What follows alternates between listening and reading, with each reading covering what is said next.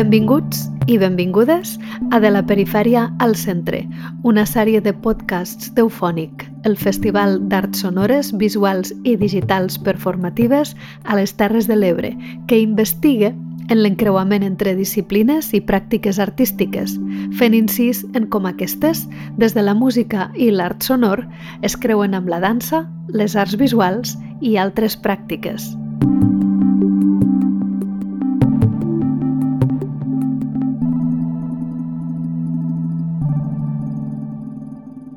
Avui parlem amb Carlos Martorell, també conegut pel seu àlies artístic Shoek. Ell és músic, artista visual i explorador digital total. De Tortosa, afincat a Torelló, deixem que es presenti a si mateix i comencem aquí aquest programa.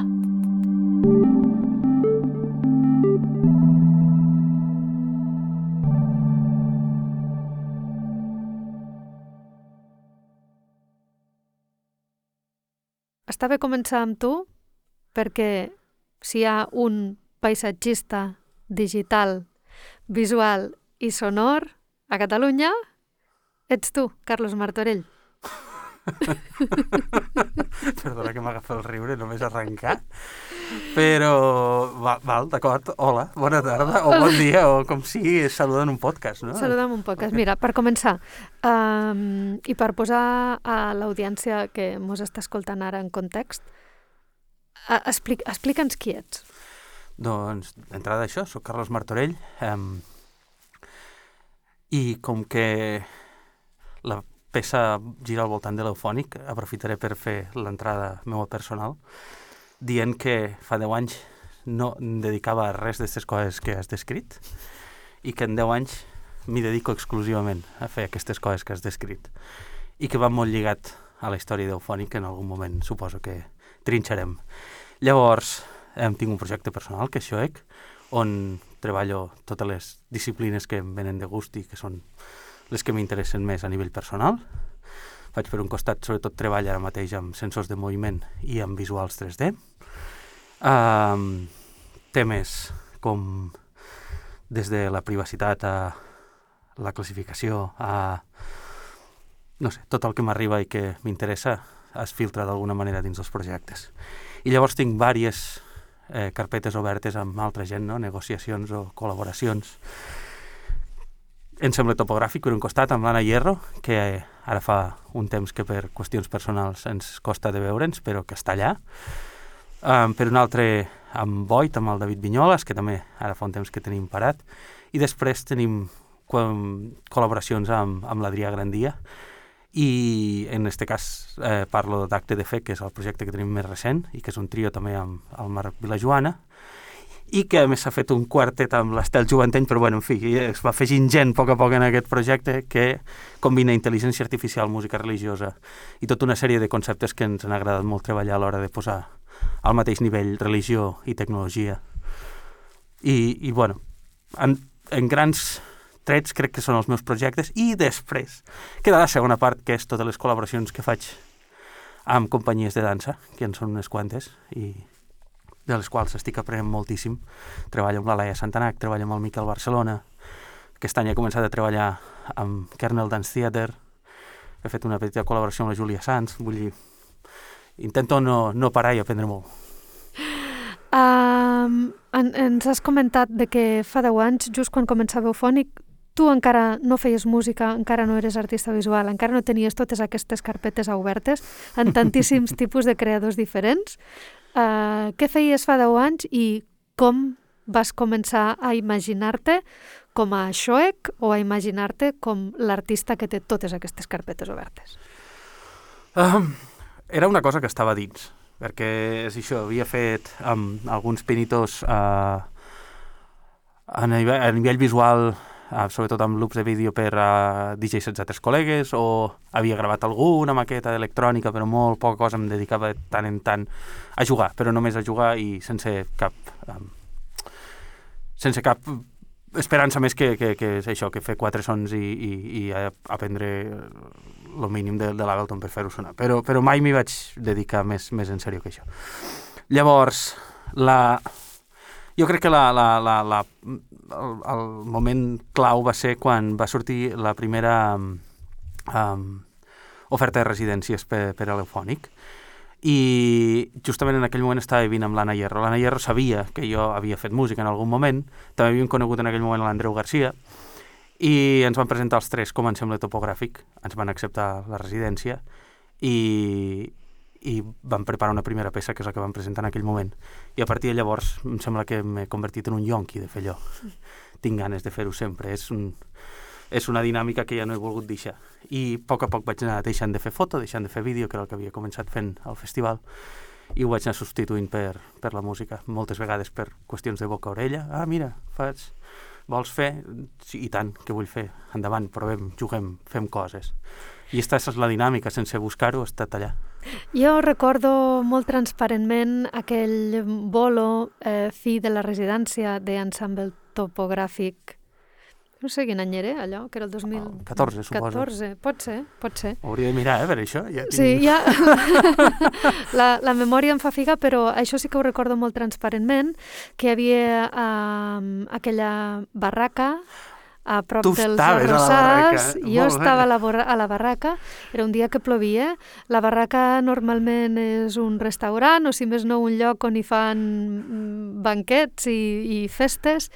Ho dic perquè hi havia unes taules amb estovalles d'aquestes de quadros vermells i, i blancs, i allà estàveu amb, amb unes taules, eh, tu amb els teus ordenadors, els teus catxarros, eh, un iPad amb el que no sé exactament què és el que feies, hi havia l'Anna Hierro amb un sensor de moviment al braç, amb no massa espai per moure's, hi havia l'Andreu, també conegut com a Ubaldo, tocant la guitarra i ficant-li un punt punky i grunge, amb una cosa que era absolutament, no sé com dir-ho, uh, inusual, no? Com una, una barreja de, de rock bastant punky, uh, de dansa contemporània, eh, d'electrònica i de tecnologia que apuntava que aniria molt més enllà.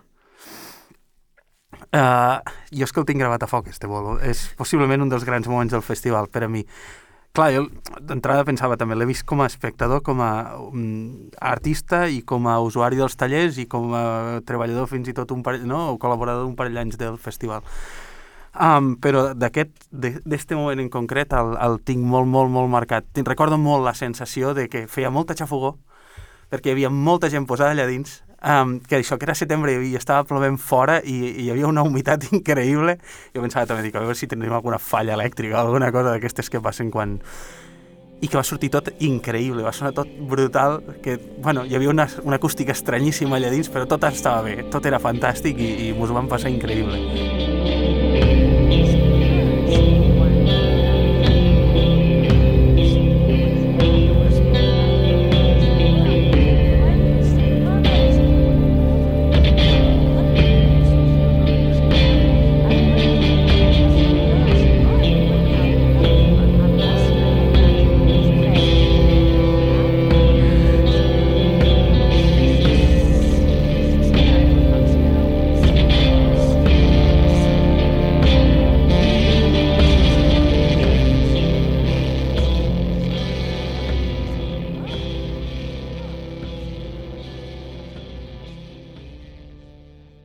Interpretes la música o la controles a partir d'uns sensors d'aquests que es fan servir per jugar a videojocs. Es, explica'm què és i com funciona. Va, començo... Aquests últims quatre anys, perdó, he fet servir uh, uh, uns sensors que s'anomenen microbits, que són bàsicament una joguina. No és una joguina, sinó que és una eina perquè els nanos uh, aprenguen a programar. Uh, tenen dos botons, tenen una CPU i el que m'interessa a mi és que tenen un acceleròmetre i un giroscopi per mesurar uh, la quantitat de moviment que, que l'aparell uh, gestiona. Llavors, és perfecte perquè són molt econòmics, però tenen un port USB, tenen Bluetooth, pots enviar dades des del sensor fins a la màquina, fins al meu ordinador per poder fer el que a mi, el que jo vull i no cal tenir un gran sistema per, per fer-ho. Um, el que acaba sent per mi el sensor és, és eh, tenir una quantitat, unes possibilitats a la mà, de les quals jo no en tinc un control absolut, però sé que poden fer. I a mi m'agrada, m'encanta, m'agrada molt haver-me després del virtuosisme de, de l'instrumentista, de, de tenir un instrument que el puc controlar però no tant. de poder tindre una sèrie d'opcions que jo sé quines són, però que em sorprèn quan estic tocant. Perquè moltes vegades em passa que de sobte apareix alguna cosa que, ah, carai, en aquesta part d'aquí sí, moc una mica més ràpid del que havia estat assajant. És una textura nova que no, que no havia aparegut als assajos. Hosti, fantàstic, seguim per aquí. I això passa en directe. I m'agrada sorprendre'm a mi mateix. També vull dir que la relació que tenim en aquest sentit amb els sensors és molt xula. I, i tot és que també ventall d'opcions han aparegut també estos 3-4 anys jugant molt amb la tecnologia, jugant molt amb els sons, amb les textures. Una de les coses que a mi em frustrava molt és veure que molta gent estava utilitzant els sensors per fer coses que es poden fer amb un altre aparell, amb un potenciòmetre, amb una rosca, no? amb un botó. No, carai, els sensors tenen entitat pròpia, tenen una altra manera de ser. És un dispositiu diferent, no és un controlador MIDI com els que hem tingut fins ara amb faders i botons i tal.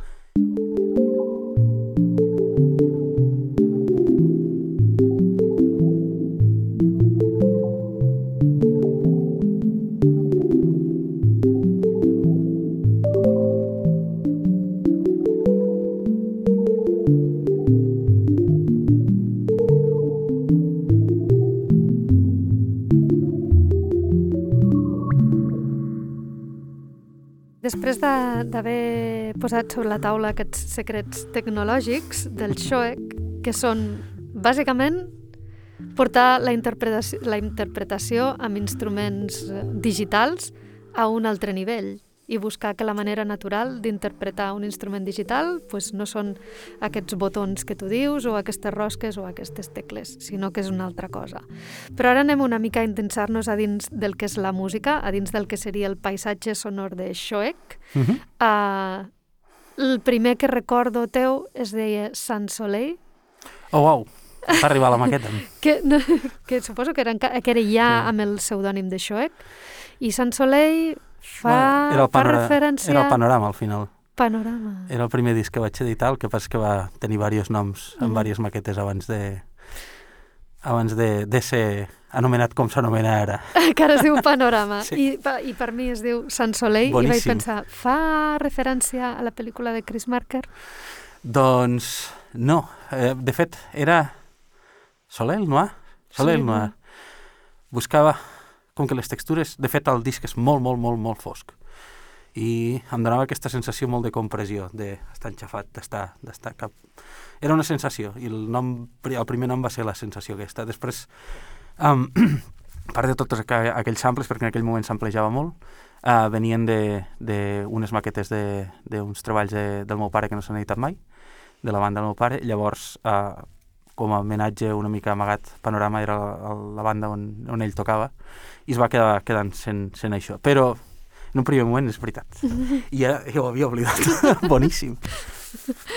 I, I llavors que ha seguit fent treballs diferents, per exemple, recordo ara mateix Container, no? Uh -huh. uh, el 18 vaig treure això, Container amb Orange Milk, uh, Fate, Fate Exòtica amb Napster i The Swarm amb 901 i de fet són els tres últims LPs que he tret. Els vaig treure els tres al, dos, al 18 i si tot va bé l'any que ve en traurem un de nou, que ja fa 4 anys que no faig un llarg en condicions. He tret EPs, he tret alguna coseta i he anat... Però, però un, un disc com a tal amb aquesta entitat, això fa 4. Tot i així no has deixat de fer actuacions i bolos com a Xoec? No, no, no, i, i precisament com que mantinc viu el, la idea del directe, que mai és un directe, no, no, el repeteixo, ah, demà mateix em podria, em vindria de gust fer-ne un altre, vull dir cap problema. Les idees evolucionen i estan vives i entren coses, surten, vull dir que... Estaves comentant de que el teu primer treball, Panorama, està basat molt en samples. Uh mhm. -huh. En els teus treballs posteriors segueixes treballant molt en samples perquè també a l'escenari sols portar eh, sintetitzadors i clarament el, el món diguem, de la síntesi digital va molt més enllà dels samples. Què hi ha, eh, què hi ha al darrere de la música de, de Shoek? Fins al 17, crec que va ser amb el Vaseline, uh, el sample el tenia agafat, o el, lle el llegeixo personalment d'una manera molt concreta, i és per mi una lectura cap al passat, no? un material que ja està sentat i, i que d'alguna manera s'ha cristal·litzat en, en, en una mostra sonora de la qual tu després en pots fer, no? O pots rellegir, o pots re... Però ja està cristal·litzat. I per mi té, té este viatge cap al passat.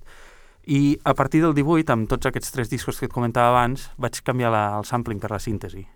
I és des de llavors que només faig servir síntesi pura he passat, he deixat completament els samples, o almenys els samples com s'utilitzava, els utilitzava fins a llavors, que agafava mostres molt clares i entenibles d'alguna manera, ens, podien sentir notes o referències, uh, i, i potser sí, faig servir, jo que sé, síntesi granular, que és aquesta tècnica de síntesi on agafes trossets molt petits per reordenar-los i reconstruir-los d'una manera que realment no, no, no, no hi fa referència directa al sample original però no, la resta de material és pràcticament tot síntesi, síntesi freqüència eh, sí, FFM o altres tècniques més, més que per mi em col·loquen en un lloc completament diferent, en un llenguatge completament diferent. Buscava, jo que sé, sobretot sentir el so d'una manera molt més plàstica.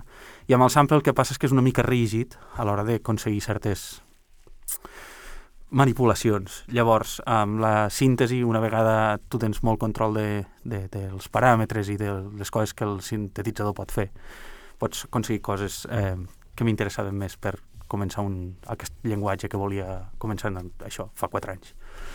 Com tu mateix dius, tot i que ja portes quatre anys sense haver editat un LP o, o, o material en, eh, enregistrat, endreçat i amb el nom, amb nom i cognoms, etc.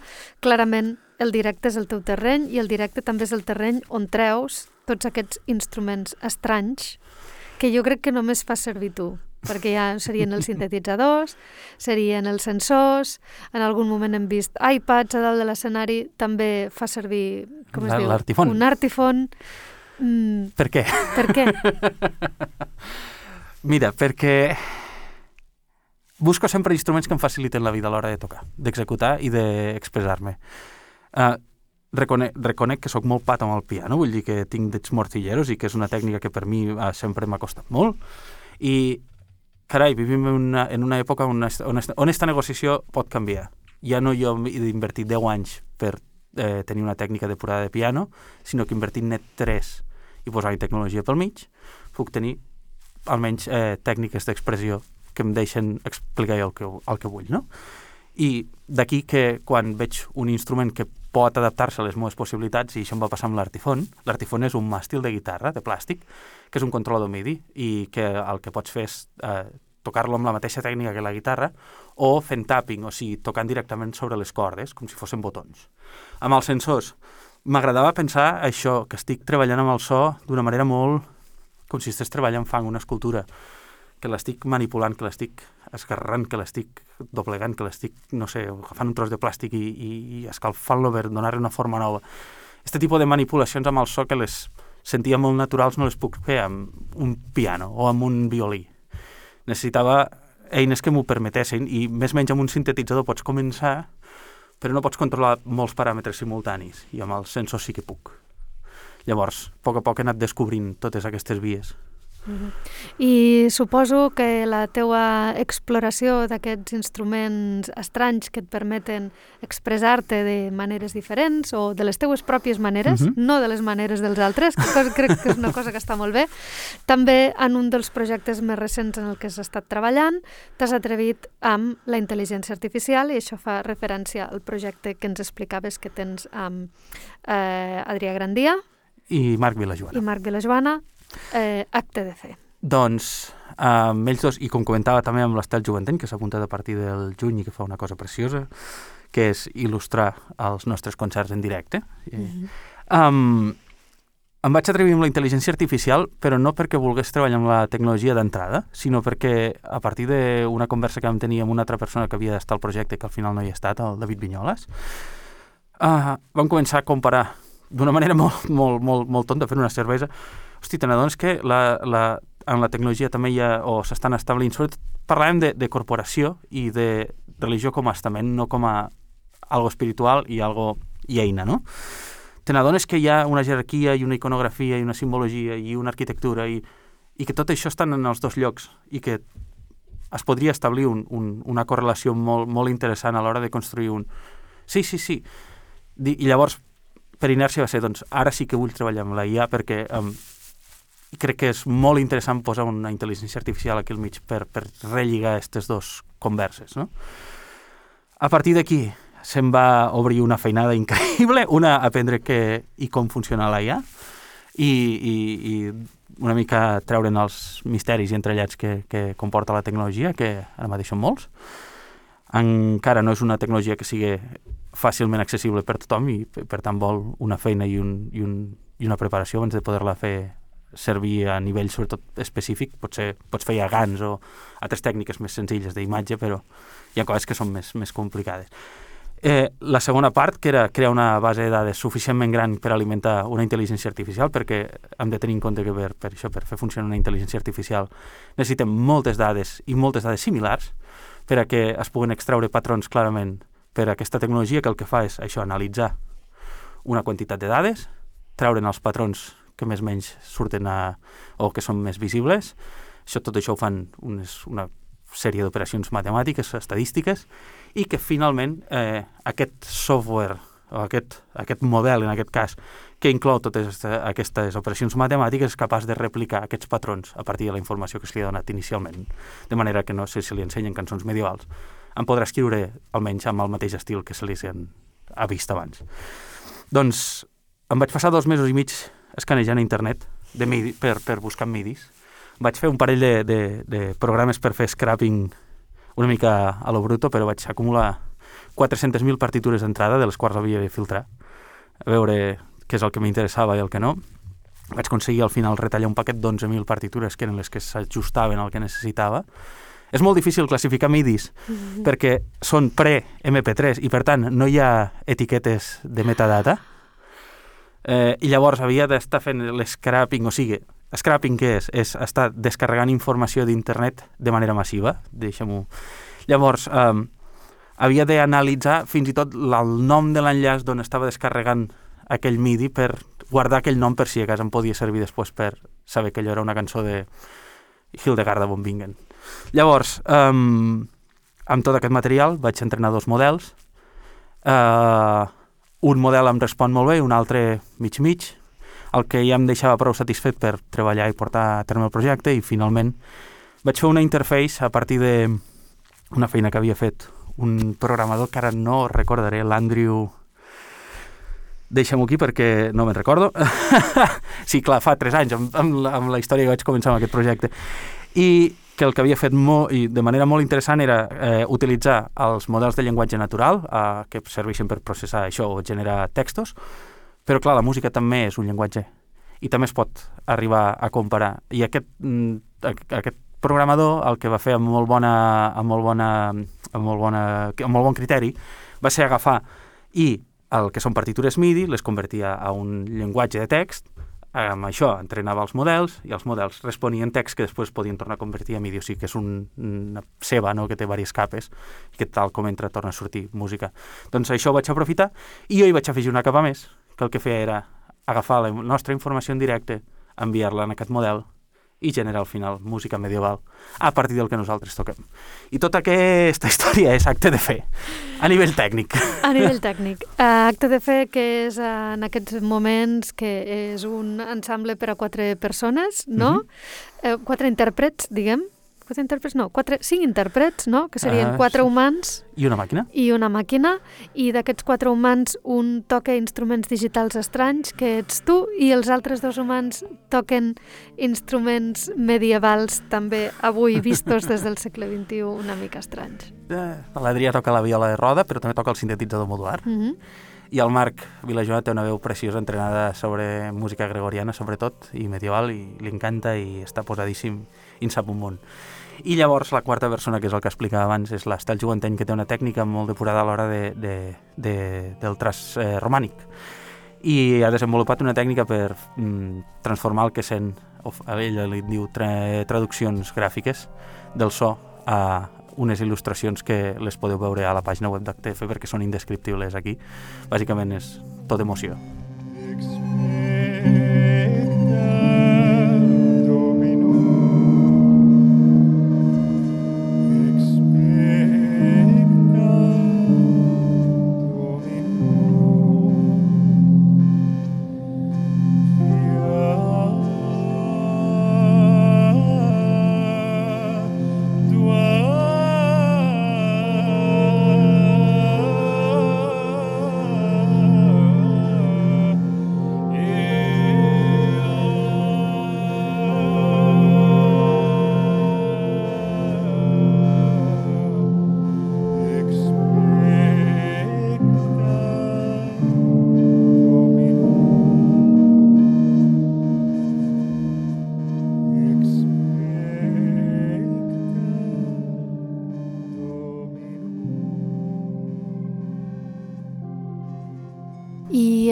També ara et volia preguntar sobre eh, la teua faceta d'artista visual. Eh, D'on surten aquests paisatges digitals entre abstractes, deconstruïts, que de vegades et sembla reconèixer figures però que no hi són, i que són en 3D però que tampoc... Mm. Um, va haver un, una temporada, al principi, els dos tres primers anys això, eh, que vaig treballar amb un artista visual, que era l'Anna Drucker, i ella treballava sobretot amb, amb tècniques fotogràfiques i havia fet loops de vídeo a partir de revelats i, i tal, i era molt interessant en aquell moment justament per això que et parlava, no? que uns discos que eren foscos per mi i tal, i, i el discurs lligava molt bé. Però l'Anna va començar a tirar per a tres vies i, i simplement vam deixar de col·laborar, però ens continu... vull dir, la setmana passada ens vam veure, vull dir que sí, simplement que, que no, no hem fet res més junts i que, jo que sé, possiblement en el futur ho, ho, ho tornarem a fer. Però llavors es va aparèixer aquest buit i és... A mi em venia de gust tenir l'espai visual funcionant d'alguna manera. Es poden explicar coses allà que no es puc explicar de manera sonora, per tant, volia explorar-ho. D'entrada, també va ser un altre repte perquè vaig haver de refrescar tots els coneixements de programació que tenia parats des de feia més de 10 anys. Vaig començar la carrera, però la vaig deixar al segon i almenys tinc un, un suport mínim per, per poder aguantar o per poder programar certes coses, sobretot del nivell, però no coses molt complexes. I em feia molta, molta por posar-m'hi d'entrada a programar. I al final va ser l'excusa per tornar-m'hi a posar. I al 16, em sembla que va ser, vaig descobrir tot el món dels eh, game engines, dels motors de videojocs. Vaig estar explorant quin era possiblement el més fàcil, amb què es podien fer coses, mm, si hi havia opcions sobretot per treballar a partir del so, que no són les més òbvies quan treballes amb motors de videojocs, però es poden aconseguir. I finalment em vaig fer un mínim, que era un motor 3D, on hi podia posar models en 3D i podia fer coses a partir de, del so que hi entrava, que era el que realment volia, que fos un sistema autònom, on eh, el discurs passés d'una manera que tingués controlada però que no hi hagués de posar la mà al damunt perquè ja tenia prou feina amb les altres coses que porta, no? Llavors, segon hàndicap és jo no sé modelar en 3D. És una feina que és molt complexa i que vol també tot un, moltes hores només per, per aprendre a fer coses interessants. I això sumava al fet del meu gust o de la meva predilecció per, per l'estètica eh, 3D de fa 15 anys, sobretot dels videojocs. Uh, a mi personalment em té molt, molt i això és, és gust personal. Uh, el, jo que sé, uh, els gràfics de la Nintendo 64 de les primeres, de la primera Playstation. Um, reconec moltes tècniques allà que, que m'interessen molt perquè feien una cosa que la CGI actual i que els gràfics actual no fan, i és que et deixaven espai a tu per, de, per posar la part de la teva imaginació. Ara t'expliquen les coses tan clares i tan mastegades, i perdó, perquè ara sonarà viejuno total, però, però, però eh, que, que eh, sentia que no era el llenguatge que jo volia utilitzar. Em volia utilitzar un que estés això, navegant en, una mica més a, eh, en un lloc més abstracte. Investigant vaig descobrir que existien escàners 3D.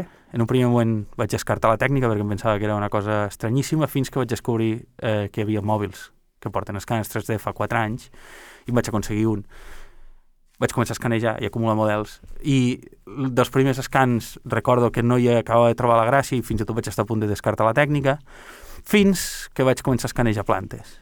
I en les plantes vaig trobar una narrativa brutal perquè el que és la vegetació, el que és la natura, el que és uh, l'espai natural, d'entrada una, i és uh, que té uh, el seu propi caos, i això ho trobo increïble perquè lliga molt bé amb tot el discurs meu de, dels sensors, hi ha un, no està acabat de controlar, uh, hi ha elements externs que poden modificar el vent, la humitat.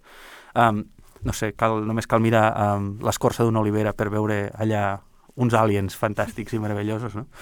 I, i va ser arran d'això de començar a investigar què és el que, les possibilitats que tenia la natura sobre l'escàner 3D. I d'això en fa 4 anys tinc una llibreria brutal de, de, de material que la, la majoria ni tan sols me'ls he mirat perquè vaig la meva parella està, eh, una abraçada glòria, perquè està cansada de... Eh, un segon, un moment que vaig en aquesta cantona d'aquí, que vaig escanejar aquesta planta que hi ha aquí a la vora, perquè la necessito, però... I, i això, i, i a poc a poc vaig acumulant models, models, models, models, fins que tinc eh, això, material interessant per treballar. Mm, he fet això, eh, visuals per als meus directes, també he estat experimentant amb imatges 2D, més, um, imatges 2D em refereixo a, a opcions més, més per impressió, o imatges fixa, o loops de vídeo. Estic encara desenvolupant el llenguatge a poc a poc, perquè és una cosa que també és molt laboriosa i m'hi dedico més al so que a la imatge. La imatge normalment és la segona part no hi dedico tanta importància. Alguna cosa m'hi he de centrar. És veritat, però de totes maneres, encara que no li dediquis importància, forme... És una part molt important del teu discurs. I jo penso en la música de Shoek i penso en aquells visuals de, de Shoek i, i no en una altra cosa. Oh, fantàstic, me n'alegro molt perquè a vegades penso, potser estàs utilitzant un llenguatge que ja, que ja està molt, molt o que, que, que està sobretot atacant un subconscient concret, no? Els, que tenim més de 30 anys, hem jugat molt a, a certes consoles i, i ens referencia molt allà. Així que, mm, fantàstic.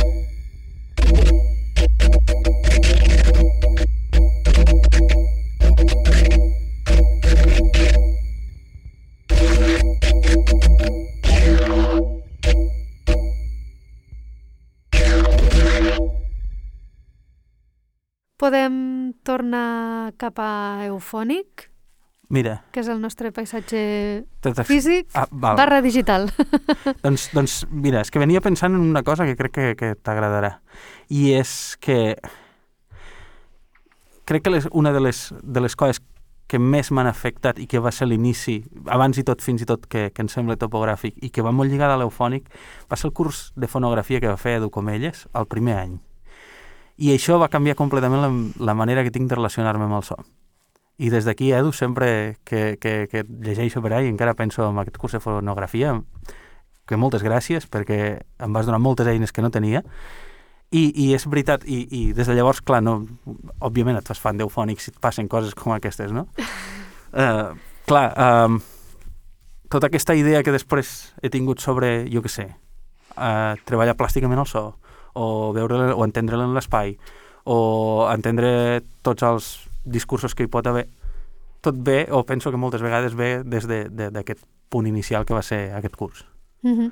bueno, i a part de que Eufònic és un festival que passa, diguem, a la teua terra. és veritat. Uh... Bueno, encara que avui en dia no hi visquis, però... És... No, no, és la meva terra. És I... la teva terra. I... I ho celebro tant ho celebro tant perquè veníem d'un moment molt, molt complicat a, a la meva terra. En aquell moment sí que hi vivia, quan va començar el festival. Um, on, on era molt difícil fer coses i on s'estaven agafant unes inèrcies molt, molt fosques a nivell cultural. De, de, de, o sigui, era necessària una sorpresa, necessari un canvi. I, i, i crec que s'ha lluitat molt fort per, perquè això canviés, però s'ha aconseguit. I ara mateix um, és fantàstic i meravellós um, veure com el festival està passant coses a Tortosa, a Gandesa, a Miravet, a la Ràpita, però... I, i que és super necessari i, si us plau que continuï tant mm -hmm. anys com sigui possible. L'altre dia mirava un documental sobre Marcel Duchamp i no sé si Marcel Duchamp ell mateix o si algun dels, eh, dels cap parlants que sortien al documental ho va dir, Deia que la innovació no és mai al centre, la innovació sempre surt de la perifèria. I, sens dubte, el Marto, Carlos Martorell Xoec, de la perifèria catalana, de Tortosa, de l'Eufònic, al món, amb un discurs super innovador i, i jo diria que gairebé únic, perquè estic intentant pensar amb gent. Si em poso així en modo Last FM de recomendador humano no se m'acut gaire gent. Quins són els artistes que t'inspiren?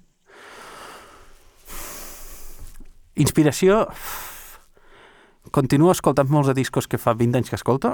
Um, avui venia escoltant el Pat Metheny, guitarrista de, de jazz, però, per, per exemple, aquests últims anys, uh, òbviament, he, he, he agafat molta info del que han fet Arca, Sega Bodega, eh, Daniel Lopatin, em dona, vull dir, tots aquests referents estan allà, perquè han obert tot un llenguatge amb el so que, que, que crec que és molt interessant i que també funciona molt bé per mi. Però després és això, tinc moltes influències de Frank Zappa, de, eh, això, Metheny, de, del jazz, de la clàssica. Vull dir que, que realment no m'hi no estic només amb, amb l'electrònica.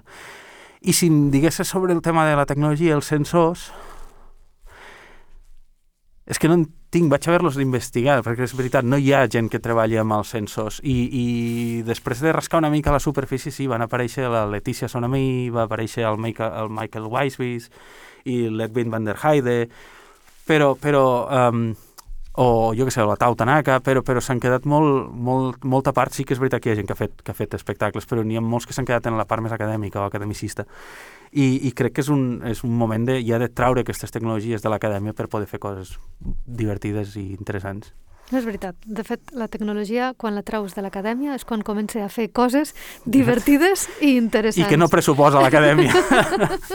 Només cal veure el recorregut que està fent ara mateix la intel·ligència artificial. Doncs pues bueno, Carlos Martorell, eh, Xoec, moltíssimes gràcies. A tu, ha sigut fantàstic fer este repàs mental. Un viatge en el temps a 10 anys enrere eufònic, cap al present i també cap al futur. Moltes gràcies. A vosaltres una abraçada, Vicent, des d'aquí. Merci, Carlos.